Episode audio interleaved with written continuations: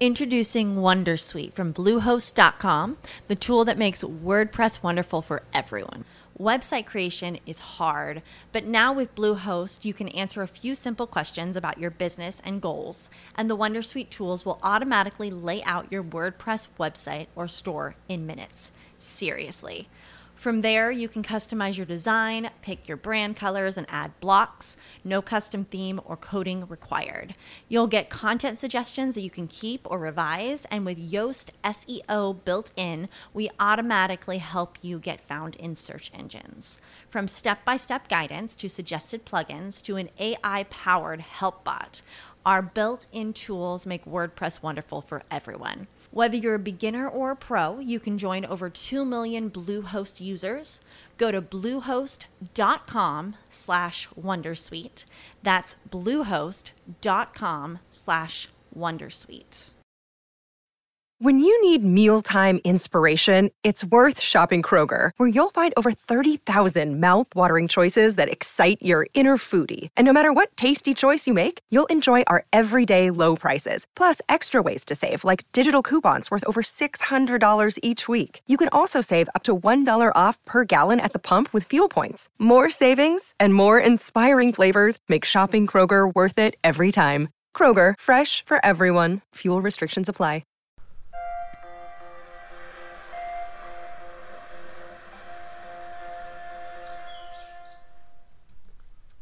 Er verste jinglen, men vi måtte ha en. Ja, jo, jo takk. Vel, velkommen, Even. Takk. takk Uh, siden dette er uh, vår aller første episode på denne podserien, Overskuddspodden, så tenker vi også ta og fortelle litt om oss selv. Jeg kan jo begynne. Mitt navn er Johannes. Og uh, jeg er jo leder for børsgruppen UiA. Og vi, vi er jo en interesseorganisasjon som driver med aksjeinvesteringer, og som har møter og arrangementer knytta til det. Og uh, i den anledningen så, så har jeg og Even Vi har bestemt oss for å lage en podkast hvor vi snakker om forskjellige temaer innenfor aksjer og investeringer som vi minst- syns er spennende. Ikke minst økonomi. Ja, definitivt økonomi. Um, Vi skal nå streife innom juss litt også. ja, Johannes. jeg er jo, jeg er jo en jusstudent, for de som ikke vet det. Og jeg heter da Even, og jeg er økonomistudent. Yes. Som Johannes sier, så møttes vi jo selvfølgelig gjennom eh, børsgruppen. Mm. vi er da et ganske greit eh, kollegium. Ah, Der er det jo informasjon og håper si læring og ja. Prøve å være en plattform hvor man på en måte kan bygge opp kunnskapen fra veldig fra scratch. Og, eh, og komme inn i investeringsmiljøet. Det er veldig, veldig fint å ha folk du kan snakke med investeringer og aksjer om. Særlig når du bare begynner alene på nett og begynner å lese deg opp på forskjellige ting. Så er det veldig fint å Og det som er så fint med børsgruppen, det er at det er ekstremt lavterskel. Mm, Og det er jo litt som er inspirasjon til greiene her òg. At man skal jo liksom ikke føle seg uh, utelukket. For det er jo Det er jo ikke å stikke under en stol at det er ganske mye ord, uttrykk og begreper som er uh, kan virke fremmed da for uh, nye lyttere. mm, Eller nye folk. ja, ja, absolutt. Og det er jo Jeg husker jo Vi husker begge selv nå, Janni. Vi har jo Vi har jo kanskje ikke verdens lengste fartstid i forhold til det mange andre som driver podkaster har. Nei, det har vi ikke. Men vi har eh, desto mer forståelse, kanskje, for hva som er uavklart, hva som er vanskelig når du kommer inn i en verden med begreper rundt aksjer som price to earnings, begreper som ja, vekst og, hva, hva det i realiteten innebærer. Hva, hvilke faktorer du skal se etter en aksje. Om når noen sier at noe er verdsatt eh, høyt, lavt, og noen mener at dette her er en boble, hva er det de egentlig sikter til? Og det er sånne ting vi ønsker å kanskje gå litt i dybden i, um, og forklare det veldig grunnleggende. Så, så snakker vi ellers bare veldig si- fritt. Kan si vi har en fot hos uh, nybegynnerne, så har vi en ganske mye mindre fot, men en fot uansett hos uh, de litt flinkere. Ja, kan jo, kan jo si det. Kan si det. Ja. Behøver ikke si det, men vi sier det. Yes. Ja. Så vi har jo, vi har jo, har jo en liste med spørsmål da, som, vi har, eh, som vi har fått fra, fra en del nybegynnere i gruppa, som har egentlig lurt på For det er jo, det er jo mange ting nye lurer på da, eh, når man kommer inn i dette her. Og eh, en interessant ting er jo at eh, siste tiden Det har jeg sikkert fått med meg DNBs Hund investerer. Det har vært en det, det merker jo også vi som gruppe veldig. At nå er det plutselig er ikke dette bare et mannsdominert område. Nei, men- Nå er det plutselig haugevis av kvinner som også vil være med i gruppa. Men jeg må, jeg må si at jeg det, Jeg led litt av skadefryd før, i koronakrisen. Når dette her For jeg begynte å se at de begynte å pushe på dette her eh, Ja, ja. ganske nærme koronakrisen. Og jeg er ikke den første som poengterer det, men jeg vil bare si at det var jo eh, Ja, ja, timingen var kanskje ikke helt Det var eh, ikke helt heldig. Det var en uheldig hendelse, som de sier i politikken. Men, eh, men det er bra at det det er veldig bra tiltak, selvfølgelig. Det var bare, som du sier, ekstremt uflaks med den timingen der. ja. Men, ja, de begynte vel i november-desember i fjor med å sende de. ja. Og eh, Og så begynte. Altså. så begynte jeg, jeg tror, De begynte vel å skryte litt også når det nærmet seg mars, var det ikke det? At de hadde fått så mange som hadde begynt med det. Ja, det- det- så rakna det. Ja, ja. Ja. Så stoppa, stoppa hypet kanskje litt. Stoppa, stoppa hypet kanskje litt. Men de fleste som er i markedet, vi er ikke her for to-tre måneder, fire-fem, et halvt år.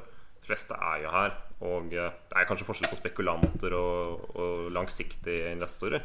Men de fleste fornuftige De er jo her med kanskje 10-15 års ambisjoner. Da. Um, så hva som skjer i løpet av de neste, neste fem-seks månedene, ukene eller dagene, det, det spiller på en måte liten rolle hvis du, hvis du har fornuftig perspektiv. Da. Ja. Og, det, og vi, vi skal jo gå både i dybden på enkeltaksjer og enkelttemaer, og ikke minst eh, indeksfond og fond generelt, som blir episode to. Mm. Men jeg tenker nå bare generelt i episode én, og som sagt gi en liten uh, intro på oss selv, og ikke minst bare hva, hva konseptet blir, og kanskje løsne opp litt i sånne ord og uttrykk som uh, kan virke Ja. fremmede og skumle. Målet er at alle som har lyttet denne episoden her, kan følge med videre. Ja, absolutt. Inkludert oss, ikke minst. ja, nei, vi ønsker jo å bygge, bygge, bygge et bra fundament for, for lytteren. Og, eh, og kanskje hoved, hovedpoenget med, med å starte er jo på en måte hvorfor skal du velge å investere i aksjer? Hvorfor er aksjer bedre enn å ha rente på sparekontoen Mm. eller ja, brukskontoen, om du har den der? Selvfølgelig. BSU er jo Ja, er i vinden, som det kalles. ja, det er jo et alternativ, å- men ja, det er jo et alternativ å velge det òg. ja. Um. Men når du velger aksjer, så er det jo velger du jo en usikker asset. da Du velger jo en, en Det er risiko. Du velger noe som du ikke kan garantert si at her får du 2% renter, 1 rente ved å holde den et år. da Du kan også gå på tap. Det er jo Selv om renter eh, Selv om renter kanskje gir deg tap i forhold til inflasjon i enkelte, enkelte år, så er eh, Så er jo renter eh, Ja, det er ikke det som vi, du kommer til å bli rik av. Um, og aksjer er jo Der har du fordelene, for aksjer har en oppside over tid. Over tid får du et snitt på ca. På ca. 9 Så langt, da. Så langt så har man fått det. Så det er jo klart at i dagens marked hvor det er mye Mm. som folk vil kalle overpriset, så kan vi ikke garantere noe som helst. Men Nei, det er jo det som man har fått Ja. tidligere. Det er viktig å huske. Mm. Og dette er her er, ja, det er snitt på over 100 år, da. Ja. Det er snakk om. det er, det, er, det er ikke ett år. Det er mange år. Ja. Så det er jo, men det er jo risiko som er litt sånn nøkkelordet. Mm. Og så må vi jo si at når, når vi sier snittet Snittet er 9 hvert år Så er jo Det, det kan jo være høres veldig trygt ut å si at snittet er 9% Men uh, her har vi skal si, det man kaller en fordeling som er ganske spredt da, på hva, hva du ville fått på et år. Ja, og det, og det er det som er greia. Man kommer jo til å ha et år hvor man kanskje sitter her og er ned Mm. opptil 30-40% Det er jo ikke noe vi ønsker å si, men det Ja. kan skje. Men samtidig andre år så kan det være opp med minst like mye. Så det er jo Altså det symbolske Altså det kinesiske symbolet for eh, risiko, vet du hva det er, eh, Johannes? Mm. Det består av to tegn. Det første er fare, Ja, men det andre er mulighet. ja. Så Det- jeg skjønte jo ikke helt hvordan tegn funket før, eh, før jeg lærte det, men nå vet jeg det. Og det er jo litt kult, fordi det er jo akkurat det som er aksjer. Det er en mulighet, men man må tenke risiko. Mm. Men det som er så fint med den risikoen, er at jo lenger du har de aksjene, jo mindre betydningsfull er den risikoen. Ja, og jo nærmere vil du havne et snitt på de nære 9% som indeksen gir i snittlig avkastning. Og eh, har du tid, så er jo det også en måte å redusere risikoen på.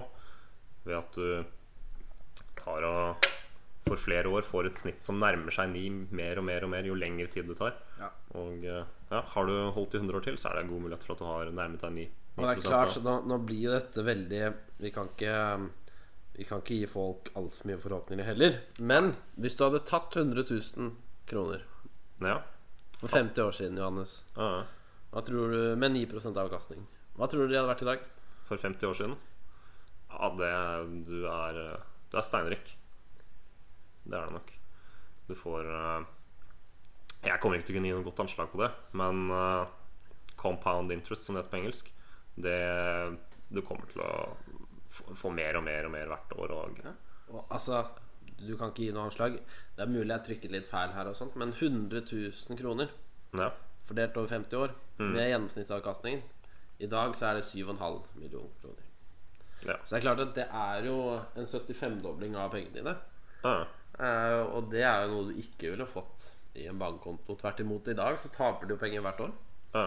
Så må vi si at det er jo Det er ikke inflasjonsjustert, de tallene du kommer nå. Nei, Men, det er det ikke. Men hvis du hadde tenkt på inflasjonen, så hadde du jo tapt penger. Ja. Uh, Med dagens, aksjemarkedet, så i stedet for å tape penger mot inflasjonen, så er du veksten i samfunnet. Du er en del av nyskapningen. Du er en del av alt, som går bra i samfunnet. Skape, Ja. alt som skapes i samfunnet, rett og slett. Og det er jo også mer glede, det, kanskje. Om du på en måte føler at pengene dine ikke gjør noe når du sitter stille, så, så kan pengene dine faktisk bidra til å, å pushe og, og framskynde endringer og teknologi i samfunnet. Og det er jo en motivasjon, det også. Det er greit å la pengene jobbe for seg. Ja, Synes jeg. absolutt. Men uh, igjen så må vi jo poengtere at det er jo risiko i aksjer. Så hvis man, hvis man skal investere og går inn for å kun sette inn pengene i fem år, så, så må man være veldig oppmerksom på at ting kan, eh, ting Ja. kan gå gale veien. Ja, Poenget med aksjer er å, å, å ha de over lang tid. Absolutt. Altså de jeg, jeg sitter på fond nå som jeg ikke tenker å selge før jeg har pensjonert meg, men da skal jeg jaggu pensjonere meg bra. Tenker jeg, da. Ja, ja nei, det er Jo lengre sikt du har, jo, jo bedre blir det. Og det, er, det kan man ikke understreke nok, rett og slett. Men, men litt det der med børsgruppen, for vi nevnte jo børsgruppen i sted. Mm. Vi er jo ikke den eneste børsgruppen. Nei, absolutt ikke. Det Hva er, er hva er litt greia med børsgruppene, egentlig, Johannes? Hvorfor er vi Det var jo sånn vi møttes, først Ja. og fremst. Yes. Nei, børsgruppene har eh, Du kan si at um, hovedmålet vårt Det er jo å være en læringsplattform og et møteplattform. Men av de mer kanskje aktive og daglige funksjonene våre, da er det jo på en måte en konkurranse som er arrangert av Nordnett Bank. um, hvor vi i løpet av ti måneder hvert år forvalter eh, Vi får jo da eh, fullmakt til en konto med 100 000 kroner på. I- og Med de 100 000 kronene skal vi kjøpe og selge, selge aksjer på Oslo Børs over en tid på da ti måneder. Konkurransen har begynt nå nylig i eh, midten av september. En ny runde, da. Ja, så vi har, er ganske friskt kommet i gang. Det ligger vel på en fjerdeplass per, per tid. Og Uten å skryte for mye. Nei, det er ikke Men det er sannheten. Det er lenge igjen. Det er lenge igjen. Ja, det er lenge igjen. Alt kan skje. Vi kan både gå opp og ned, og mest sannsynlig gjøre begge deler. Men, men det som er morsomt, er jo, er jo litt det her at, um, at skoleduellen går i runde hvert år. Og, så- og så er det klart at den, den skolen som gjør det dårligst, den blir jo, den blir jo ikke hivd ut, men den blir jo erstattet. ja. Den Eh, blir jo, må, må stå på ventelisten. da, For det er, du kan si det er flere børsgrupper i Norge enn det er Det er er blitt eh, ekstremt populært. Ja, børs har jo Sammen med hundeinvesterer så har jo børs generelt og i aksjeinvesteringer har jo blitt, eh, blitt veldig populært. Du, har jo sett, du kan jo se det også i Nordnetts kunde, kundeportefølje. Og ja, hvis du ser litt mot USA, så kan du jo se det i Robinhood-medlem, medlem, ja, antall medlemmer i Robinhood. Det blir flere og flere. Og det er jo litt det som er greia, at man klager jo litt over at, at de rikeste eier alt. Så det er jo liksom bare Nå, nå har vi muligheten til å ta litt tilbake, da. Mm, jo, absolutt. Det er, nei, det er spesielt. Det er, det er kult. Det er kule tider, egentlig. Det er mye skummelt som skjer, men det er også mye, mye fascinerende. Absolutt. Nei, så det er kult. Skoleduellen er jo Det er jo en skikkelig Man får duellpreg òg. Man kjenner jo på det. Man lurer jo på hva gjør de andre skolene. Hva er Ja. deres strategier og sånn. Men av reglene, en av reglene er at man må være long only. Ja. Og det er jo da at man kjøper en aksje, Mm, og så satser man på at den skal gå opp. ja. Det å være long er egentlig det samme som å eie en aksje. Eie en aksje. Ja. Så du har jo noe som heter shorte aksje. Det, altså, det det innebærer, er jo at du satser på at det går ned. At ting går ned. Og grunnen til det er at du Egentlig så bare får du en aksje, og så selger du den med en gang. Altså Du får jo ikke pengene en gang, men det er det du gjør. Ja. Eh, Men da skylder du den du kjøpte aksjen av, skylder du jo en aksje. Mm. Vi kan, det- ta, vi kan men- ta et eksempel, da. Ja, Um, kjør på. Yes. Vi kan jo, kan jo si at jeg tenker at uh, det huset ditt, Even, det, det kommer til å falle i verdi. Det, det er et sted som ikke er, uh, er særlig attraktivt. Og uh, jeg er generelt kanskje skeptisk til boligmarkedet, så jeg kan uh, tilby deg et veddemål da, om at uh, boligen din, den her boligen, den vil jeg kjøpe Men jeg skal selge den tilbake til Jeg skal gi den tilbake til deg om noen år. Eh, mitt mål det er at jeg skal ta og selge den umiddelbart. Og forhåpentligvis, da, om la oss si fem til ti år, kjøper jeg den tilbake for, eh, eh, for en lavere sum. Jeg som shorter vinner mellomlegget. Og du som, du som leier ut huset, du som leier ut huset til meg som shorter, Får en type rente. ja. Så, så det er jo kanskje Så det er egentlig bare at du leier ut mot at du eh, Du betaler jo egentlig for å leie noe, mot at du slipper å betale like mye som det egentlig er verdt når du leier. da Ja. Det er mange måter å definere en short på, men det er jo det som er essensen. Men det kan vi da ikke gjøre Ja. i eh, denne skoleduellen. Og Vi kan, vi eh, kan heller ikke investere i fond, er det ikke slik? Uh, vi kan kjøpe indeksfond, men ikke. Indeksfond kan vi kjøpe. Uh. Ja. Og så kan vi uh, Ja. Vi kan ikke bruke opsjoner og sånt, som vi ikke skal gå inn på i dag. Men Ja. eh, vi kan ikke gjøre det. Ikke opsjoner og der derivater kan vi heller ikke. Ikke derivater. Derivater kan vi ta og raskt forklare. For det er jo noe du Kanskje hvis du har oppretta en bruker på Nordnett eller DNB, så er det kanskje et begrep du kommer, kommer over. da Og eh, hva er et derivat eh, i forhold til en aksje? Og et derivat er jo et sammensatt investeringsprodukt. da Hvor eh, du i realiteten ikke eier Noe som helst, egentlig. Nei, du eier, du eier jo på en måte et papir da, som er utstedt av da f.eks. Nordnett Bank eller Nordea. Eller eh, hvem, av de, hvem, hvem det nå er som har utstedt derivatet. Og, eh, og den skal jo binde seg opp mot kanskje en pris av olje eller gull eller, eller en, eh, en, da, Eller en tømmer. asset, Eller, det kan ja, være hva som helst. ja, kan også være en aksje, kan også være en valuta. er uh, Et eksempel vil jo være at det er ti helseaksjer som er pakket inn i en pakke. Og så er mm. eier du egentlig ikke aksjene, men du eier en viss, uh, viss garanti på at hvis de går opp i verdi, så tjener du desto ja, prisøkning. ja. Så får du Men det er faktisk viktig å lese de, de små skriftene. Ja, Mange av- er noe vi ikke anbefaler folk å begynne med, mindre de har holdt på en stund. Det er, det er viderekommende. Altså, Samme som shorting. Også. Jeg personlig, og det sier jeg bare personlig, det er, Ja. ta med klype men jeg driver ikke med derivater. Mm. Eh, Det kan godt hende jeg begynner med det før eller siden. Men enn så lenge så er fond og enkeltaksjer og kanskje litt variasjoner av det, det er mer enn nok. Derivater Ja. mener jeg For derivater kan jo være noe som heter giret også, Johannes. Og det er Ja. jo, hvis du ikke er klar over det, så kan du gå på en heftig smell. Absolutt. Og en giret derivat, det er jo basically eh, at du handler på kreditt. At noen, mm. noen spytter inn eh, Sier til deg Ok, hvis du spytter inn 10 kroner, så spytter vi inn 100 kroner for deg. Mm. Og så tjener du ti ganger så mye. Men eh, hvis det snur, så, Mm. så blir du jo litt surere igjen. Ja, det er noe som kan medføre at din aksje blir Eller ditt derivat, da. Det er ikke en aksje. Men at ditt produkt blir tvangssalgt da, på et nivå hvor du fortsatt har dekning um, i ditt beløp. da Fordi du, når du da kjøper, kjøper noe for 100 kroner, og du har 10 kroner sikkerhet i det, og du taper antageligvis da nesten, nesten 10 kroner, så vil du på et eller annet punkt, alt ettersom hva slags avtale du har, og hva slags vilkår eh, derivatet og giringen er på, vil din aksje da bli, bli tvangssolgt. Og det er jo et premiss for at uh, utstederen av giringen og derivatet ikke skal kunne tape penger. Da. Så det er absolutt noe man må passe på. Vi, kan jo, vi, vi kommer jo vel til å gå inn i dette en eh, senere episode uansett. Men, Ja. men det er greit å vite at det er ikke noe Det er ikke noe skjære mor i sånne tilfeller. Du kan få en, noe som heter en margin call, og det er kanskje det verste du kan tenke deg. Mm. Plutselig ringer noen opp og sier til deg at du skylder ti ganger mer enn det du egentlig har av penger. Ja. Og da er det er folk som har eh, gjort verre ting enn å gråte av det, Ja. for å si det sånn. Så nei, vi anbefaler ikke derivater. ja. Sånn egentlig. Mm. Jeg er for Finns spesielt interessert interesserte. Det er, for det første er jeg for spesielt interessert, som du sier. Og for det andre så er det sikkert eh, Det går sikkert an å tjene mye penger på det. Og mm. det er sikkert et bra marked for det. Sikkert et bra verktøy. Mm. Men, men det er egentlig litt unødvendig. Ja. I hvert fall for eh, de som skal spare. Fordi mye av dette er laget for at du skal kunne trade. Altså du skal helst inn i en posisjon som er da type et eierskap. Og så skal du ut igjen av det samme eierskapet innen om ikke en time eller to. Så er det i hvert fall samme dagen. Ja. Men også, vi har også brukt begreper som, som SMP 500 og Nasdaq og Dow Jones, og eventuelt Oslo Børs og Merkur Markets. alle de begrepene kan jo kanskje for, for nye markeder Kanskje ikke Oslo Børs, da. Nei. For den er, det er jo der hvor alle de børsnoterte selskapene møtes.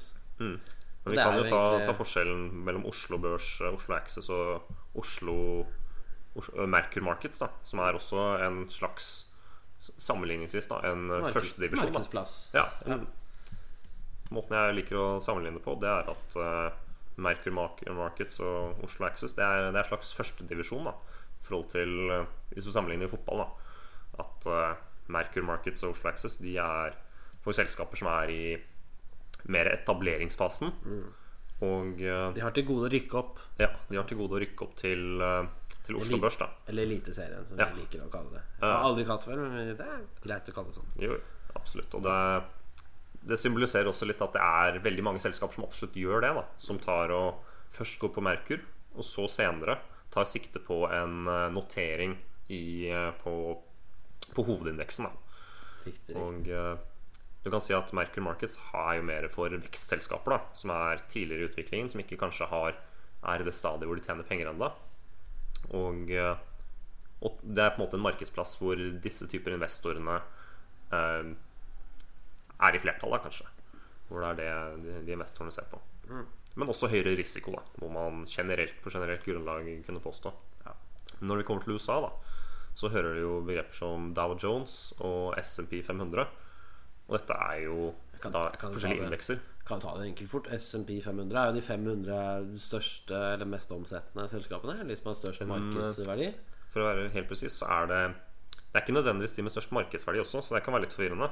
Men det er jo 500 av de mest dominerende selskapene i USA til enhver tid som må oppfylle visse minstevilkår. da Det er greit å nevne at Tesla ikke er med der. Um, Ja, bare, sånn til de, bare til de som mener at det er et ganske dominerende selskap. Og det, uh, det skal ikke jeg si noe på. Men det er i hvert fall ikke med der. Uh, absolutt. Og det, og det er til tross for at de har en høyere market cap, eller høyere markedsverdi, enn mange, mange av de andre selskapene som også er på SMP 500. Men på SMP 500, uten at vi går altfor mye dybden på det heller, så er det jo også inntjening, og at det er et sunt, det er et sunt selskap. Ja, det, sunt mye, regnskap. Mm.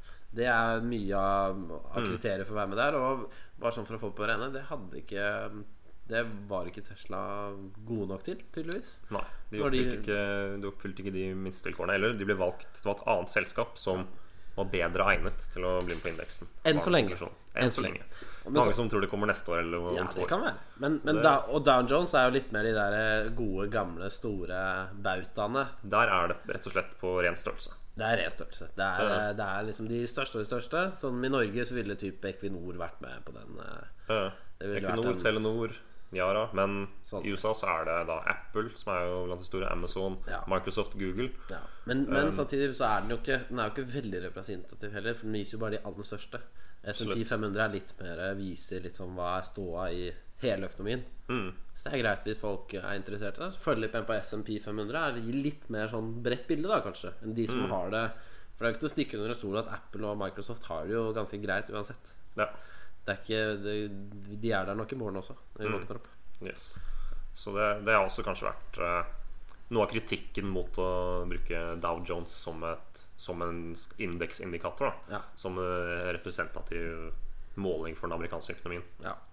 Så da har man jo Man har jo andre alternativer, som Russell 2000 og så har man jo Nasdaq, men det er også et tema som kanskje 5000 har man også. Ja, Nasdaq er jo ren, nesten ren teknologi. ja, Så den er jo ofte Du ser ofte at den svinger litt mer også. Mm. For der er det jo litt mer eh, ja, litt mer risiko. Litt Innen... mer spekulativt, litt mer risiko, kanskje. Ja, og, det, og, Litt mer høyere alt. Og generelt i snitt da høyere price to earnings på selskapene.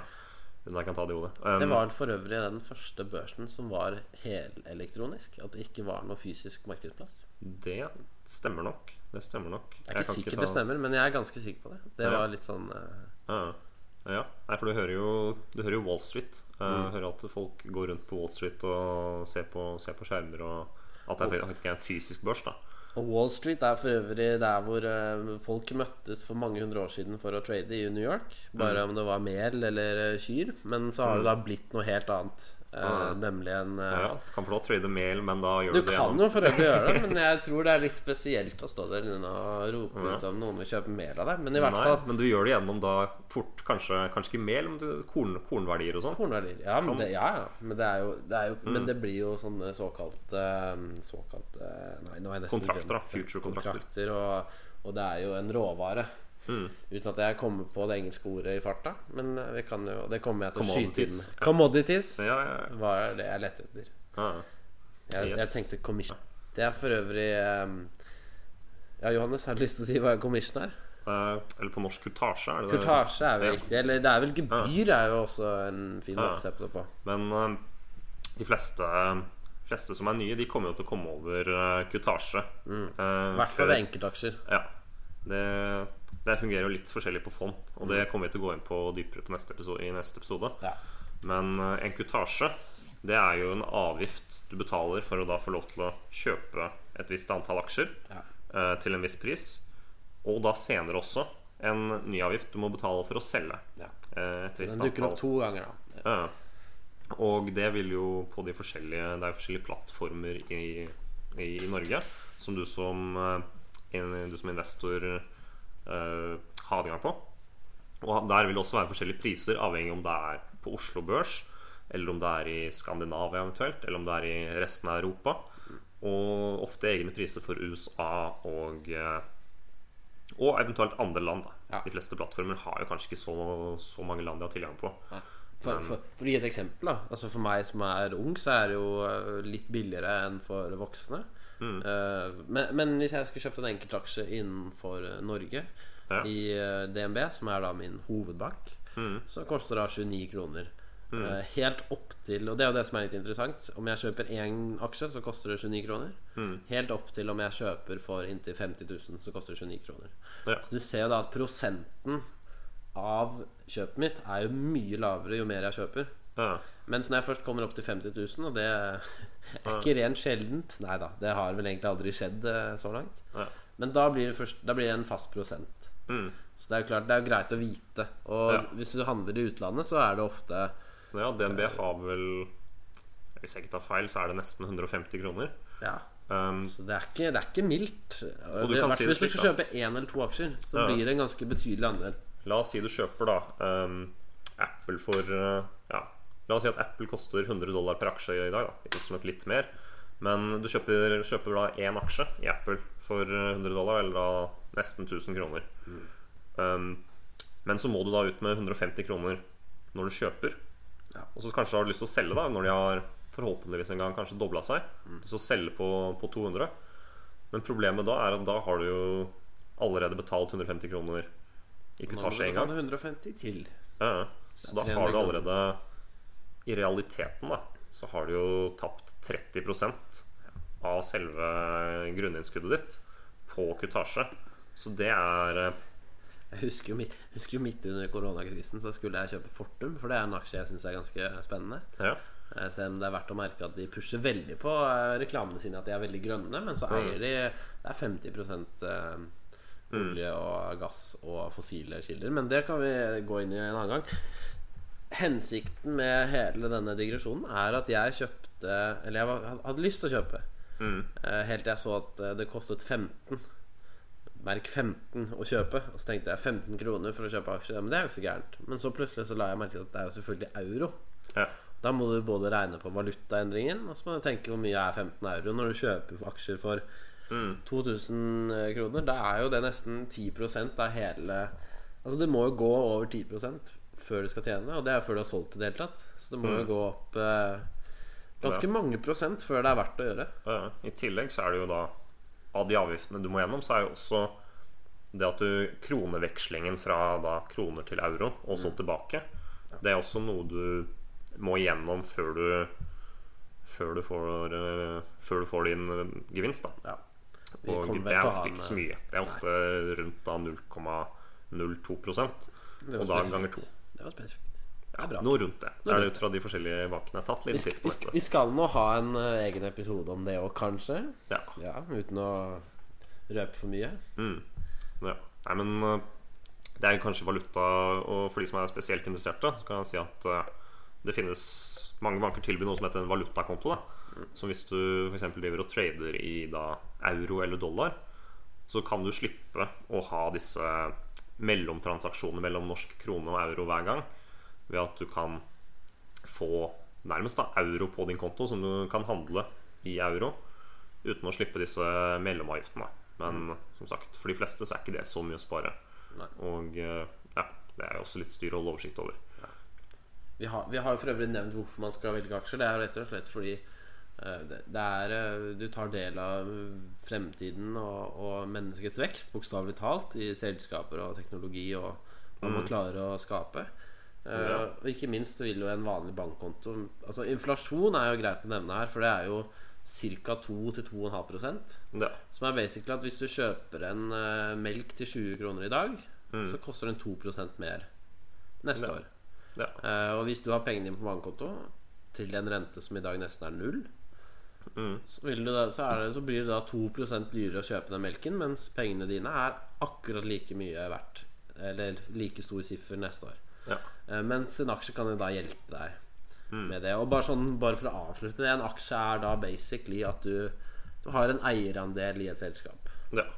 Så Det er det ikke- er veldig greit. Og det, av den juridiske delen, da, som jeg liker kanskje å gå inn på, så kan jo også det medføre rettigheter for deg da, til, Mm. å, til å utøve den eierandelen eh, ved å styre selskapet. Da. Ja, Man blir jo kalt inn til generalforsamling. Jeg får flere Selv om jeg kanskje ikke har veldig mange aksjer, så, blir jeg, så får jeg brev i posten hvert år om det er enten Jeg skal ikke gå inn i hvilke aksjer det er, men, men eh, ja, jeg får i hvert fall ganske mange invitasjoner hvert år som drar til diverse steder og deltar på generalforsamlinger. Nå har det Ja. riktignok bare vært eh, per internett da pga. denne Ja. Hansa-krisen. Ja, ja, ja. Nei, det, det er noe du kan være med på. Og noen syns det er interessant å delta på generalforsamlinger i forskjellige selskaper. Du får mye innsikt, da. Innsikt. Du gjør det. Og eh, Men eh, nå er det jo det at eh, det kan være, virke ganske si, byråkratisk eh, å drive og høre på forslag. Og, og hvis du hele tatt vil komme gjennom med noe, så må du nok ha, ha en ganske stor eierandel. Ja, eller et veldig godt forslag. Eller Altså, jeg vil tro at hvis du har en eh, Hvis du har gjort Det spørs jo helt hvor mye du legger i det. Altså Hvis du eier én aksje og vil være ekstremt opptatt av selskapet, så må du bare gjøre det. Altså Hvis du finner noe et pengesluk i selskapet, så har du en rett til å bli hørt, og ikke minst få andre eiere over på din side. Men det er jo litt det der med Det blir jo hva du gjør det til selv. Ja. Men, du kan eh, jo se f.eks. oljefondet, da, som eier aksjer på vegne av oss alle. De er jo veldig på, på den aktive siden når det gjelder styring av da internasjonale selskaper. Oljefondet kan jo ikke eie, eie aksjer i Norge. Men eh, desto viktigere så tar de og styrer mange internasjonale selskaper. Riktignok så eier de kanskje 2-3-4-5% i forskjellige selskaper rundt om i verden. Men det kan fort være en ganske betydelig andel. Absolutt. Og eh, hvis du ser på Facebook Oljefondet har jo fått et forslag gjennom i Facebook, og da var vel forslaget om å få eh, et minimums antall kvinnelige representativer i styret på Facebook. eh, som et, som et, da et eh, nedfelt eh, vilkår, eller nedfelt eh, ah, Hva kaller man det? I eh, vet, ved, ned, Vedtak. Ned, nei, eh, vedtekt. Ned, Vedtekt. nedskrevet Vedtak er jo det man blir Det er et statlig- stat- Ja, men vedtak, det er jo da man får ned en vedtekt, er det ikke det? Mm, Nei, det er det samme. Kutter. Så sier Nei, det, nei det, skal, det kan vi jo finne ut av senere. Men i hvert Ja. fall. Mm. Men vedtekt, da. Ja, De har fått vedtektendringer i Facebook Ja. om et visst antall minimum, minimum kvinnelig representasjon i styret på Facebook. Ja. Som er et veldig, veldig stort selskap, både internasjonalt og amerikansk sammenheng. Hashtag hun investerer. Investerer. Ja, ja. Ja, men det er, det, er, det er ikke dumt, det greiene der. Eh, altså, det er jo det som er kult med oljefondet. Heftig kult, altså. Men det, Mm. det, det skal liksom være Det er moderne også, ikke sant? Det er ikke bare noe de sier de skal være. De er ganske opptatt av eh, hva som rører seg i tiden. Mm. Hvordan de skal te seg, og hva de skal investere i. Det er jo Vi kan jo nesten ha en egen episode på oljefondet. Jeg tenker at det bare At jeg sier det, gjør at vi nesten må gjøre det. Ja, og Men- apropos, apropos oljefondet. Nå har jo, har jo børsgruppen Vi er veldig heldige, da. For vi hadde jo en, en, en slags networking-tur til, til London i fjor. Eller i, nei, det var ikke i fjor, det var i år, faktisk. I januar, før hele den krisa brøt ut. da Fikk du mye kontakter på LinkedIn, eller? Uh, nei, det var nok ikke så mye det, men det var mer det at vi, vi var besøkte bl.a. Aco Capital. Okay. Um, For de som jo ikke Altså jeg vet Ja. det, men for de som ikke vet, så er det jo det ganske interessant å vite. Mm. Det er jo kanskje noe, litt flere som vet det nå fordi det har vært litt i media, men uh, uh, skal få lov til å fortelle. Aco Capital er jo det tidligere oljefondet uh, Nei, tidligere Tidligere hedgefondet til Nicolai Tangen, som i dag er uh, sjef i Norges pensjonsfond utland, også da kjent som oljefondet. Um, og det vi i børsgruppen eh, var så heldige og fikk til, det var å få, få en omvisning i, eh, i kontorene på AK Capital i London. Og Nicolai Tangen selv holdt jo et foredrag på ja, da, rundt, eh, rundt to timer, eller noe sånt. Veldig bra. Snakket veldig mye om hva, hva de som hedgefond gjør. Hvordan de, hvordan de opererer, hva slags investeringer de gjør. Og eh, eh, veldig bra læringsutbytte, da. Og, eh, og bare for å forklare begrepet hedgefond, det er jo et begrep som kanskje også er litt sånn, sånn vagt. Ja, og ikke minst så vil jo folk, eh, folk føle nesten at det er negativt, fordi folk har hørt så mye om det. Ja. Men det er jo rett og slett bare Det er som et aksjefond.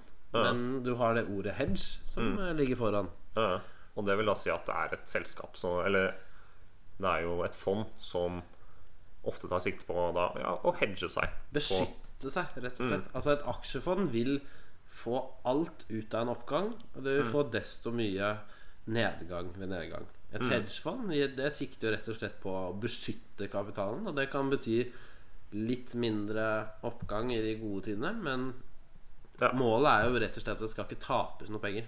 Ja, Og vi kan jo begge være enige om at eh, jeg vil heller ha et oljefond hvor det er hensikten, enn hvor man går for eh, disse derivatene vi snakket om tidligere, med mest mulig gevinst i noen korte perioder. Jeg syns ikke helt det er eh, ja, Vi skylder ikke våre håper å si, eh, etterfølgere det, etterkommere, at vi holder på sånn. Mm. Hedgefond er jo kanskje ganske en grei ting. ja. Kanskje det, det blir, beste. det blir nok i realiteten også eh, litt forskjeller på å drive et hedgefond og et oljefond. Um, hedgefond har jo da, som forskjell fra oljefondet, adgang til å shorte.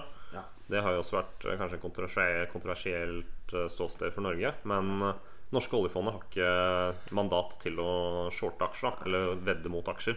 På den annen side så er jo oljefondet veldig stort. Mm. Men også er det jo også oljefondet kan jo eie eiendom. Ja. Og Det er er jo, bare- det er jo ikke umulig for et hedgefond, men, det er jo, men når du har masse eiere, så vil jo de kanskje helst ikke se private eiere. De vil jo kanskje helst ikke se pengene sine i en eller annen leilighet i Regent Street som de ikke får noe utbytte av. Men det er jo noe vi nordmenn får. Mm. Så oljefondet er eh, Det er ikke et hedgefond, men det er eh, Mm. Men det kan ta inspirasjon fra det, syns jeg, da. ja. Det, og vi så jo nå i koronakrisen at det har jo tapt seg mye. Og eh, Men det har egentlig absolutt alle. det har de. Med unntak av Renaissance Technologies, kanskje. Ja. Det er nok noen unntak. Noen som har Det er, det er alltid noen unntak. ja. Men i all hovedsak så er det rett og slett eh, Nei, jeg liker veldig godt uh, Altså i det hele tatt at vi har et oljefond, er jo ganske spesielt. ja, det er internasjonal sammenheng så er jo det unikt Ja, også. Det er, eh, det er, ja, det er akkurat det der. Det er unikt. Og det er jo noe vi kan være veldig stolte av. Sier jeg her med hånden på hjertet. Ja, Ja, absolutt. talt. Det er jo det er en veldig unik måte å forvalte da de statlige ressursene vi har, har i Norge.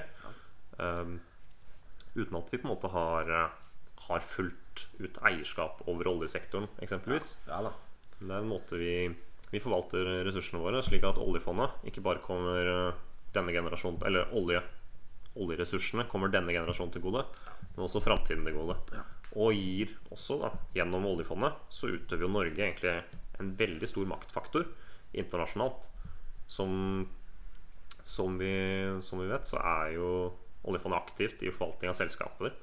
Og på globalt, eh, globalt nivå så eier det norske oljefondet eh, et sted mellom da 1,2 og 1,5% av alle verdens aksjer. Er det såpass mye? Det, er, det, Det høres er- selvsikt ut, det, hø ja, sånn, det høres jo ikke mye ut, men altså, det er ganske mye. Ja, Uh, det er ekstremt mye, faktisk. ja. Så nei, jeg har ikke sett så mye til disse pengene, men jeg vet jo at det kommer folk til gode. Og jeg tror at oljefondet er i trygge hender. Absolutt. Men vi kan jo nesten sette igjen Det har vi jo sagt tidligere i episoden At vi kan jo sette en episode til oljefondet Mm. og forklare litt hvordan det begynte og hele greia. Det er jo koselig Ja, ja. Koselige ting å sette seg inn i det. Ja, da har jo sikkert eh, godeste Nicolai Tangen jobbet litt der eh, og har kanskje noe å vise til også. Ja. Enn så lenge så er det bare litt ståhei og Mm. litt sånn der fadderukeopplegg, nesten. Kanskje for han. Jeg vet ikke, jeg vet ikke det er der inne. Kanskje det Nei, Kanskje det er nok eh, Han må nok eh, etter de fyll og spetakkel, kanskje. Ja, nei, det har jo det har ikke vært fyll, men det har, vært en, har jo vært en del spetakkel i Jeg har jo sett han ta en øl med sentralbanksjefen, så jeg veit ikke. Du vet aldri hvor ille det kan gå.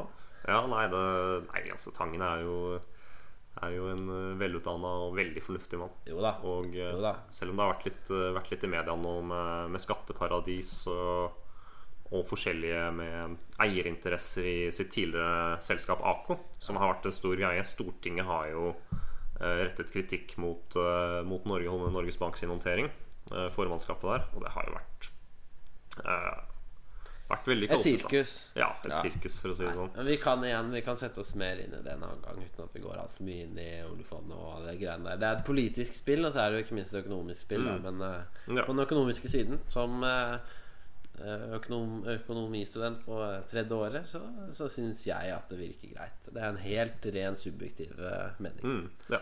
vi, kan, vi kan gå tilbake til de, de spørsmålene vi, vi har en liste av. Ja, det høres veldig bra ut. For det er jo det er jo det er ikke bare disse begrepene som vi har kommet innom, som er uklare. Men det er jo, du kommer jo ofte innom begreper som utbytte, tilbakekjøp, innsidekjøp. Og det er jo kanskje Noen forveksler de også litt med hverandre. Um, utbytte i første omgang, det er jo og så, som vi snakket om, når du eier en aksje, så eier du jo rettigheten eh, En del av retten til et selskap. da Og med den retten så har du du er også jo en litt av selskapet. ja, så har du også rett til noe av fortjenesten til selskapet hvis det går i pluss. Tjener penger, så er jo du en eier. Hvorfor skal ikke du ha pengene?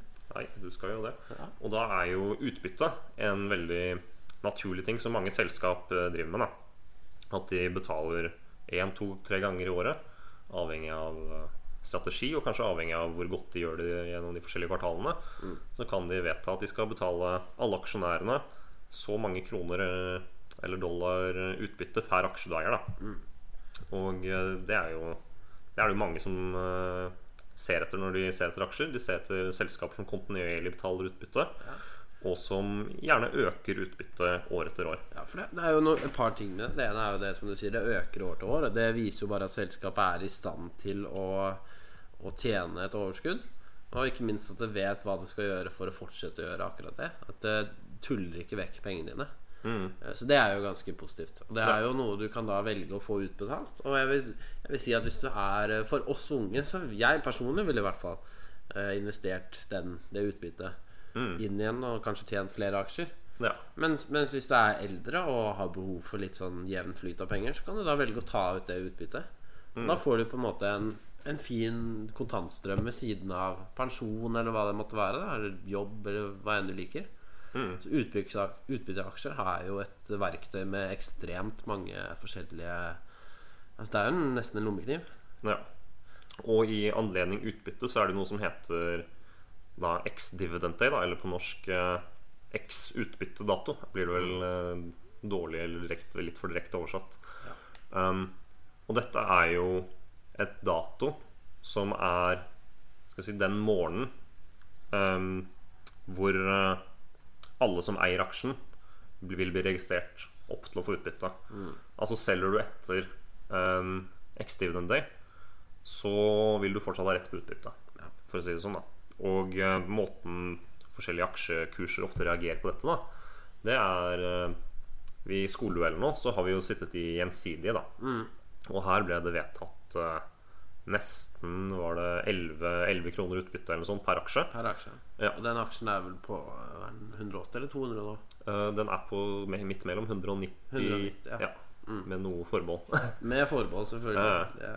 Kommer det til å føre få høre 190. nok av denne. Men det er greit å merke seg at vi det, det blir litt småfeil her, men det var essensen med det. At vi fikk utbytte. Ja. Og essensen med X-Dividend day, det er jo da at eh, dagen før X-Dividend day så var aksjen på da 200 og ja, la, la oss si 205, da. Det Og nesten da, all time high. Bare Ja. sånn mm, og eh, etter at utbyttet har blitt utbetalt, eller etter at utbyttet har eh, Etter X-Dividend day, da, altså den dagen hvor folk registreres opp til utbytte, så faller gjerne aksjen tilsvarende utbyttet som blir utbetalt. Da. Så hvis du har lyst på utbytte eh, og bare tenker at jeg skal kjøpe før den dagen, og så selger jeg dagen etter, det er ikke, det, det er ikke sikkert at dette er, eh, er en profitabel mulighet Nei. hele tiden. Um, hvis du skal holde en utbytteaksje, så er det nok å holde den over, over år. Det er snakk om ikke, ikke bare det tidspunktet hvor utbyttet. Det er det egentlig er, liksom, irrelevant. det, er to, det er to approacher. For det ene så er det jo et stort, ofte et stort selskap som er ganske trygt å holde. Det er en Mm. sikker posisjon. Og for det andre så får du jo da en jevn inntekt hvis du velger å beholde utbyttet. Så det er jo enten for de som vil ha litt eh, kontantstrøm, Mm. og en sideinntekt som kommer med jevne mellomrom, eller så er det for de som vil ha en bauta, da, eller en eh, solid et solid selskap som en del av porteføljen. Så det, og det er mange, mange muligheter. De som er interessert, kan jo bare søke litt opp og lese seg litt opp. Men vi kommer jo uansett til å gå mer inn i det enkelte episoden våre om aksjer, som blir da episode tre. Er ikke det riktig? Jo, Jo. jeg tenker det. Ja. Um, I tillegg så har vi jo et begrep som heter tilbakekjøp. Da. Og det er jo for, eh, for de fleste er det et alternativ uh, til utbytte. ja, for de kan gjøre forskjellige ting med overskuddet sitt. Mm. Og når du betaler utbytte, så vil jo det utløse en viss skatt. da Hvis du får eh, utbetalt utbytte. Mens uh, når du tar uh, tilbakekjøp, så vil jo ikke du få noe konkrete eller direkte penger på konto som aksjonær, eller som eier av en aksje. Men du med tilbakekjøpsprogrammer så vil det ofte bidra til at aksjen øker i, i pris. Fordi kjøpes det så mange millioner aksjer eh, tilbake til selskapet, som da selskapet sletter, Ja. så vil jo det ha bidratt til en, som regel til en kursstigning. ja. Du kan, ikke- du kan jo si at hvis det er eh, Hvis det er ti aksjer ute, og du eier en av de, Mm. og selskapet kjøper tilbake fem av de aksjene fra andre eiere, og du Mm. Ja. fortsatt sitter på din, så vil det jo da være Mm. din aksje være dobbelt så mye verdt. Ja. Og la oss si da La oss si at dette selskapet med ti aksjer, som nå har gått ned til fem aksjer, Fem aksjer. Hvor du sitter med mm. og eh, selskapet betaler da regelmessig eh, La oss si da eh, 2000 kroner i utbytte til, fordelt over alle aksjonærene da, hvert år. Etter Blir det tilbakekjøpet 400, blir ikke det 400 på her? Nei, det blir det absolutt ikke. Det blir 500 på her. um, Det blir det heller ikke. Ja, ja. I så fall, da. Um, etter tilbakekjøpet, da. Nå er det jo sikkert regler for hvor store tilbakekjøp kan være, osv. men um, etter tilbakekjøpet, da hvis, La oss si at selskapet har kjøpt tilbake halvparten av alle aksjene sine, da så vil jo du, gitt at utbyttet og profitten til selskapet er like, like stor, så vil du kunne få dobbelt så mye utbytte uten, uten noe mer med det. Fordi du har da dobbelt så stort eierskap av selskapet. Selskapet kan da øke utbytten per aksje uten at den egentlig har tjent noe mer ved at den har kjøpt tilbake, kjøpt tilbake aksjer. Da. Og det, det er en litt sånn komplisert prosess for mange. Mange skjønner kanskje ikke helt hva, hva er tilbakekjøp. Og det kan også kanskje ofte blandes og forveksles med innsidekjøp. For det er jo på en måte tilbakekjøp er jo selskapet selv. da Selskapet utad som handler aksjer i seg selv. Um, Innsidekjøp er jo mer at du handler eh, Eller Altså det er jo at du at selskapets eiere, Ja. eller, eller selskapets styre gjerne, de som er De som har kjennskap til hvor det hele bærer hen, om Ja. det går opp eller ned for selskapet At når de gjør en handel, da er det innsidekjøp. eh, Eh, Og det er ikke noe Det trenger ikke være noe ulovlig på det, men det, men det skal Det er litt strengere enn bare for deg og meg, Johannes. Man må i hvert fall si ifra hvis man skal gjøre det. Ja. Og du, må, du kan liksom ikke Ja, og det juridiske på det, for å ta det, så er det jo du kan ikke være i besittelse av innsideinformasjon idet du gjør et kjøp eller salg av en, Nei. Av en aksje. Det det. Det vil, eh, det Hvis vil være innsidekjøp. Ja, hvis du, aksje, hvis du selger en aksje, og det går fryktelig mye ned eh, i dagene etterpå av en helt annen grunn enn at du selger aksjen, da kan du beregne deg på at det kommer noen på døra som eh, kommer fra staten. Ja. Så det har jo, har jo vært litt spekulasjoner i, annet Quantafuel, om det har vært noe Det har det vært. Og Nicola, ikke minst. Ikke at det er et norsk selskap, men der er det jo lurister Ja, ja, ja. Jo det, men, men, vi trenger ikke Vi trenger ikke nevne alle som er mistenkt for noe de kan eller kan ikke ha gjort. Det vet vi ikke ennå. Men, men, men det er eh, innsidekjøp er noe som er greit å merke seg. Ja, Og det, eh, for deg som investor, da det innsidekjøp betyr, det er jo at uh, her er det noen i ledelsen som har tro på kursstigning på Ja, Det er hvis du kjøper, da, vel å merke. ja selvfølgelig. Innsidekjøp. Ja, så det, så det er jo kult hvis, hvis eh, Kult, sier jeg. Men eh, altså, hvis mange innsidere eh, begynner å Hamstre, hamstre så, så da, skal de ha ganske god grunn til å gjøre det. Altså, det, det er ikke bare noe du gjør eh, uten videre hvis du tror at det kommer til å gå dårlig fremover. Ja, ja absolutt. Og det har jo Og det er ofte et tegn, da. Um, og børsen tar ofte Å reagerer på svært store innsidekjøp. Ja. Det tar ofte, tar ofte og kan, hvis det er en aksje med lav omsetning som plutselig får en innsider uh, i selskapet, gjerne en, en i ledelsen, CFO eller altså sjefen selv i selskapet, så, uh, eller daglig leder, som det heter, så vil jo ofte kursen kunne, kunne stige svært voldsomt på, på kort sikt. Eh, ja, voldsomt og voldsomt. Det er kanskje 2-3-4% Det er voldsomt. Ja. Men det, jo, det kan jo være voldsomt. Hvis det er Ja. mye Det kan jo fort være milliarder. Mm. Men, Ja. ja.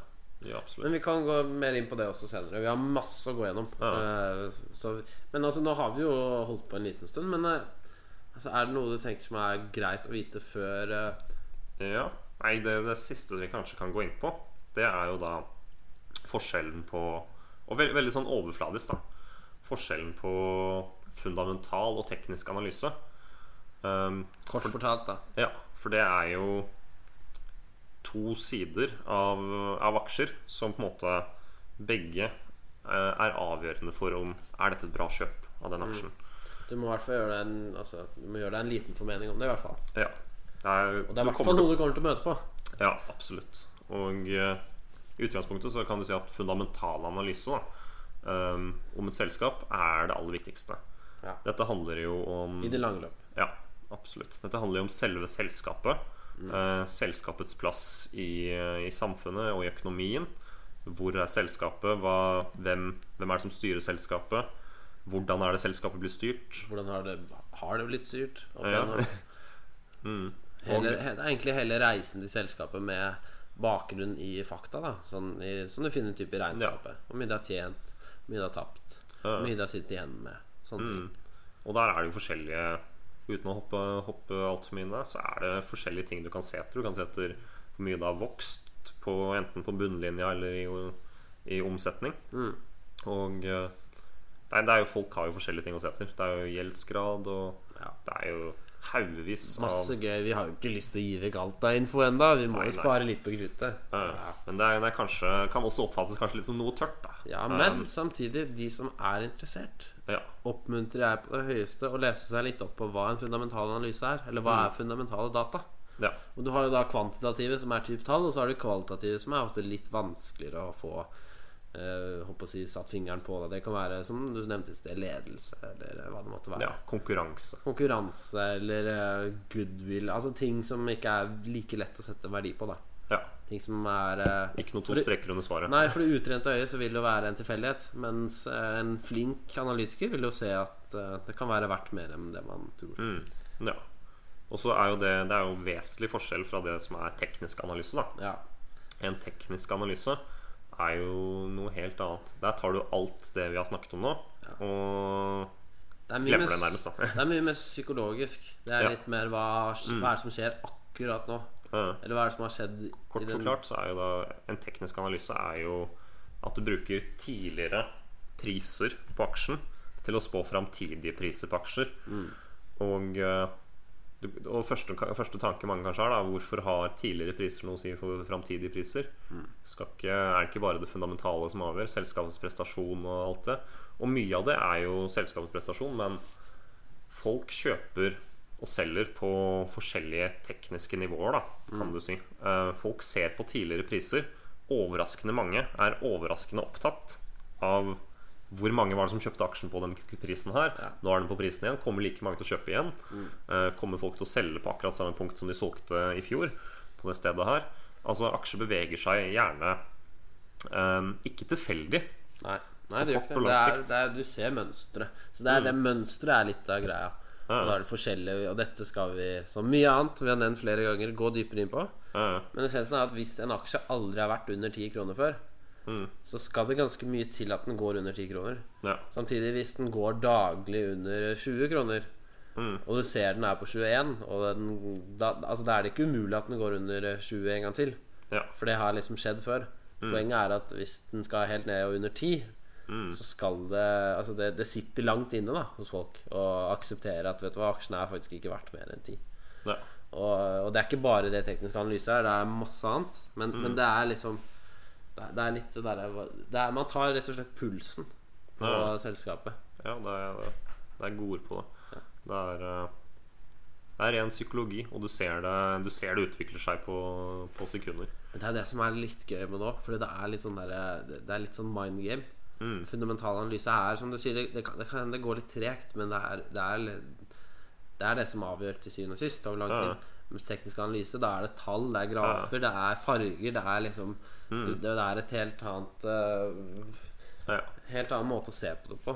Det, er, kan det er ikke rart folk blir interessert i det. da ja. Og vi anbefaler folk å ikke bli altfor interessert i det. Ja, ja egentlig. Du kan, si slik, du, kan, du kan si det slik, da. Måten, dette er kanskje måten jeg gjør det på. Men uh, slik jeg ser det, så er det lurt å finne selskaper på, på ren og, og da egentlig på, på 90 fundamental analyse. Du finner selskaper som har gode konkurransefortrinn, gode vekstmuligheter, eh, god og stabil eh, godt og stabilt regnskap. øh, liten gjeldsgrad, men ikke kanskje for lav heller. Men det, det, det er jeg også. Um, og så bruker jeg mer teknisk analyse til å finne I dag skal jeg inn og kjøpe den. Ja. Eller så blir det kanskje jeg må vente en måned for å se om den kan falle tilbake på de fine nivåene hvor jeg får den for en billig krone. Så er det som du sier, du kan, kan, alt kan se bra ut, og det kan det være også, men samtidig, hvis det er en slags pessimist, og det bare jevnt og trutt har jobbet seg nedover eh, på forskjellige nivåer eh, over flere år, så, så vil det jo være vanskeligere for trenden å snu, da, rett og slett bare fordi folk ikke føler at det kan gå bedre, selv om alle andre ting kan vise at det går bedre. Og, og det er sånne ting som vil Hvis det fortsetter, og hvis det er faktum, så vil det jo snu. Fundamental vinner, på sett og vis, men eh, Ja, men det er det som er med teknisk, at eh, på kort sikt så, så er det Så er det verdt å ikke, Det er ikke verdt å glemme, i hvert fall. Man skal ha det inne. mm, ja, Men, eh, men det er ikke noe vi sa- anbefaler å handle på direkte. ja. Og som vi, så, som vi sa innledningsvis, så er det jo langsikt som er, langsikt. er nøkkelen. Ja, det er riktig. Nei, lang sikt er Hvis vi skal oppsummere litt, Ja. så er jo lang sikt hele clouet her. For det er inv- investering. Mm. Eh, Det er Roma ble ikke bygd på en dag. Ja. Og heller ikke din portefølje. Heller ikke min portefølje.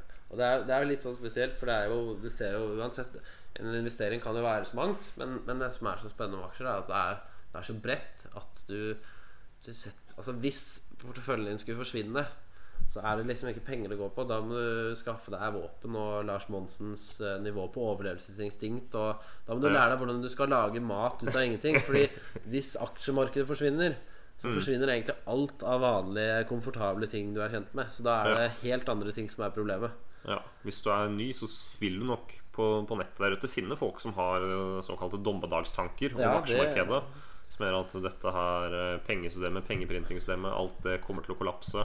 Rope høyt og Uten at vi nevner eh, navn, så var det vel en i børsgruppen som kjøpte eh, Var det ikke ganske mye sølv fordi han mente at det skulle være eh, grei måte å helse seg på? Ja, det er jo Det er, sølv og gull. Ikke sant? Plutselig sitter jeg der med skjegg i postkassa en dag, og så angrer jeg på at jeg ikke kjøpte sølv. Ja.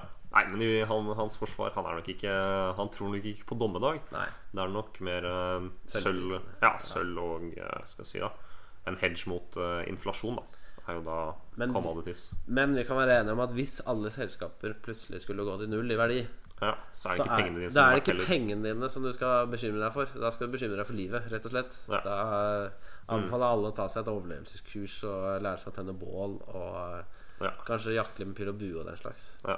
Så, så, så det er det som er greia. Altså En bolig kan alltid gå ned i pris, selv Mm. om det er vanskelig å forstå. Og selv om kanskje det enkelte steder så vil det ikke skje. Men Men aksjemarkedet i helhet markedet i helhet kan du nesten ikke gjøre noe med. Sånn, eh, Ja. sånn Du kan ikke ødelegge det. Og, men det er viktig å ha en lang horisont. Ja. Det er lett, og det, og det er det som er litt med fond. Det er veldig lett å Hvis du kjøper, så vil det være lett å kunne gå inn hver dag og tenke Å, shit, er jeg opp, eller er jeg ned? Eller er jeg opp, er jeg ned? Ja. Men det skal du jo ikke gjøre. Du skal sette inn et jevnt beløp. Mm. Dette er hvis du ikke kjøper fond, men Nei, ikke kjøper aksjer, men kjøper fond. Og det er det vi anbefaler de fleste som ikke har tid til å sette seg ordentlig inn og gjøre. Men så skal du sette inn et fast beløp. Og du skal ikke tenke over det, men du skal gjøre en god beslutning. Den Det første beslutningen du tar, den skal være god. Ja. Deretter skal du styrke den beslutningen videre. Med jevne mellomrom. Med jevne beløp. ja. Og det er liksom hele hemmeligheten bak eh, investering. Mm. ja, jeg vil si det. Det er ikke Kan du det, så kan du allerede veldig mye. Ja. Og det er klart at hvis markedet sier at markedet går fra 50 til eh, 10, og så opp til 50 igjen i løpet av et år, og du handler med samme beløp en gang i måneden i hele året, Ja. så sitter du Da er jo gjennomsnittet ditt akkurat det samme som gjennomsnittet. Så du taper jo ikke noe. Mm. Samtidig, du kan jo tjene mer hvis du kjøper helt på bunn, og du kan tape masse hvis du kjøper på topp. Men hvis du jevnt over setter inn penger, så kan det ikke gå mm. gale veien i det lange løp. ja. Også en måte å redusere risikoen på, som vi var inne på. Og det er jo hele greia, å redusere risikoen. Ja. Men det var eh, ja, Det var dagens episode i eh, Overskuddspodden. Ja, det er ikke noe mer å Jeg har faktisk ett eksempel før vi runder av, Ja. som er litt gøy videre. For jeg har en Ja, nabo. vi får ta, Jeg har ta en nabo dagens siste digresjon. Ja, dagens digresjon. Det blir mye digresjoner fremover. Si sånn. Men jeg har en nabo, og det er veldig morsomt. Han Ja. er, han er, eh, han er eh, 60 pluss. Ja. Eh, Nærmere 70. Eh, Og han er eh, Altså Jeg vil ikke si han er interessert i aksjer, for det er han ikke. Han er interessert i å kjøpe aksjer. Mm. Men han er ikke interessert i selve aksjen. Han ser en pris, og så sier han ja, nå er den der, nå syns jeg den er for dyr, og nå er den der, nå syns jeg den er for lav, uten at han har noen som helst formening om hva slags aksje han eier, og hvorfor den er der den er. Og hver gang han kommer ned til meg, fordi vi er naboer, så dette skjer nesten daglig, så kommer han ned, og så klager han over at den aksjen er opp, og den aksjen er ned, og den aksjen er ned, og den aksjen er opp. Uh, og, han, og han holder aldri munn om de greiene. Og det er jo ekstremt irriterende for meg å høre på. For jeg gjør meg en formening først, Ah. og så går jeg inn, og så har jeg Altså det, Jeg skal ikke glemme aksjen, men jeg, men jeg sitter ikke og ser på den hver dag. Kanskje jeg ser på den hver dag. Men jeg har ikke, men jeg har ikke tenkt å selge den hver dag. Ja. Uh, Og det er ikke det hverdagen går ut på. Mens for han så er det ekstremt viktig å poengtere hva som har skjedd hver eneste dag. Eh, og aksjer går opp og ned. Så hvis det er det du vil bruke tiden din på, Ja. så må du bare gjøre det. Men jeg har funnet hemmeligheten for å slå han med det greiene der. For han har en ganske fin Mercedes fra 2014 som kostet vel en 700 000 nye eller noe sånt Da. Så det jeg gjør, er at jeg har regnet ut ca. hvor mye han taper i uh, verditap på den, og det er ganske mye må vite. ja, ja, biler og En relativt ny Mercedes taper omtrent 150 kroner dagen. Selv etter, selv etter fem-seks år. ja. Så, det er, så når han sier Når han kommer til meg og spør Ja, åssen går det med den og den aksjen din i dag, da, Så sier jeg bare sånn Nei, det, det går som det går. Den går. Mens eh, en time senere, så han har glemt det litt, så kommer jeg opp til han og så sier jeg Ja, åssen har du sett på bilen din i dag, eller? Så er Sånn, Nei, Ja, ok, men du har tapt 150 kroner på den i dag. Og det gjør jeg hver eneste dag. Bare for å gni det inn. Så, og det er et problem du aldri får hvis du er flink og holder en aksje over lang løp. Ja. ja. ja Og jeg hadde gjort det samme hvis du har eh, lik nabo, men det tror jeg ikke du har. For det er ganske sjelden å ha en sånn nabo som det jeg har. Som jeg egentlig er veldig glad i også, da. Mm. Ja. Ja, men oppsummert, det er jo så viktig at man har, eh, har gode vaner med å ikke ville selge og ikke ville gjøre impulsive, impulsive beslutninger på, på dette her. Det er, det er en langs, langsiktig strategi man må, må ha i bakhodet. Den verste og kanskje ofte vanligste feilen folk gjør eh, Og jeg, ved enkeltaksjer så kjenner man det ekstra, men å gjøre det med fond er bare totalt unødvendig. Det er som du sier, når det går ned, og så selge. Ja. Det skal man ikke gjøre. Man skal rett og slett bare vente. Ha is i magen. Og det beste du kan gjøre egentlig hvis det går ned, det er å kjøpe mer. Ja. For når det først går opp igjen, så eier du plutselig dobbelt så mye som du hadde når det først gikk ned. Ja. ja. I fond. I fond. I, i fond. I fond. ja. Ikke, ikke Norwegian når de gikk ned. Nei, det, nei, det kan vi gå inn på en annen dag. Ja.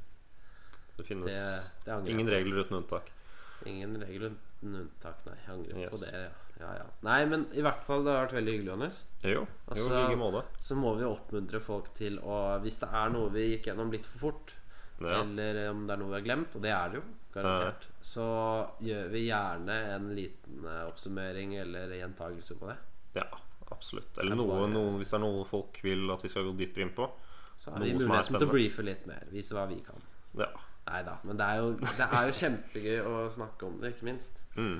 ja. Ja. Det er jo er noe vi brenner for å følge med på på daglig basis, vil jeg si. Rett og slett, Det er en sunn interesse. Og, Mm. eh, ikke bare det, og, da, og da er det ikke gamblingen og spekulasjonen som er den sunne interessen, men det er å lære om markedet og se hva som skjer i verden. Ikke sant? Mm.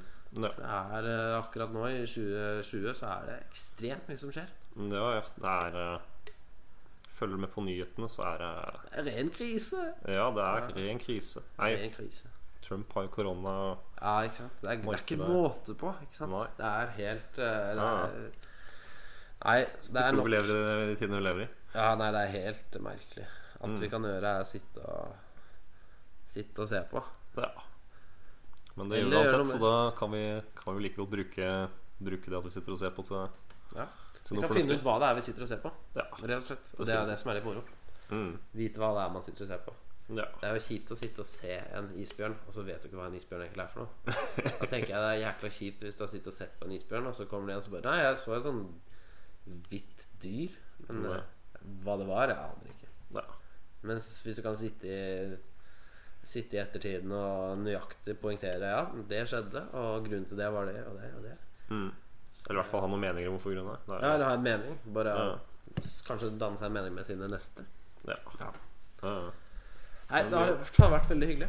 ja. Vi, vi runder, og- runder det opp der. Og neste episode er da for øvrig om eh, indeksfond. Eller Ja. fond generelt. Ja. Vi tar sikte på å få, til, få den ut eh, neste uke. Ja. Så vet man jo aldri. Jeg er studenter. Plutselig kommer det noen uforutsette nedstengninger eller ja. Et eller annet eksamen eller noe sånt. Ja, ja. Ok, Ses, igjen, ses igjen neste gang. det gjør vi. All right. Ha det bra. Ha det.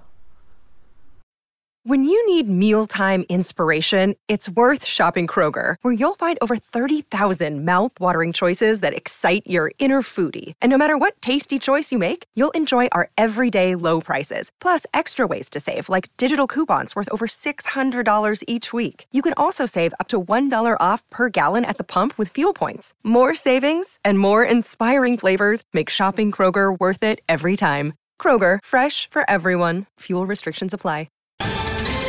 Ohio, ready for some quick mental health facts? Let's go. Nearly 2 million Ohioans live with a mental health condition. In the U.S., more than 50% of people will be diagnosed with a mental illness in their lifetime. Depression is a leading cause of disability worldwide. So, why are some of us still stigmatizing people living with a mental health condition when we know all of this? Let's listen to the facts and beat the stigma. Ohio, challenge what you know about mental health at beatthestigma.org.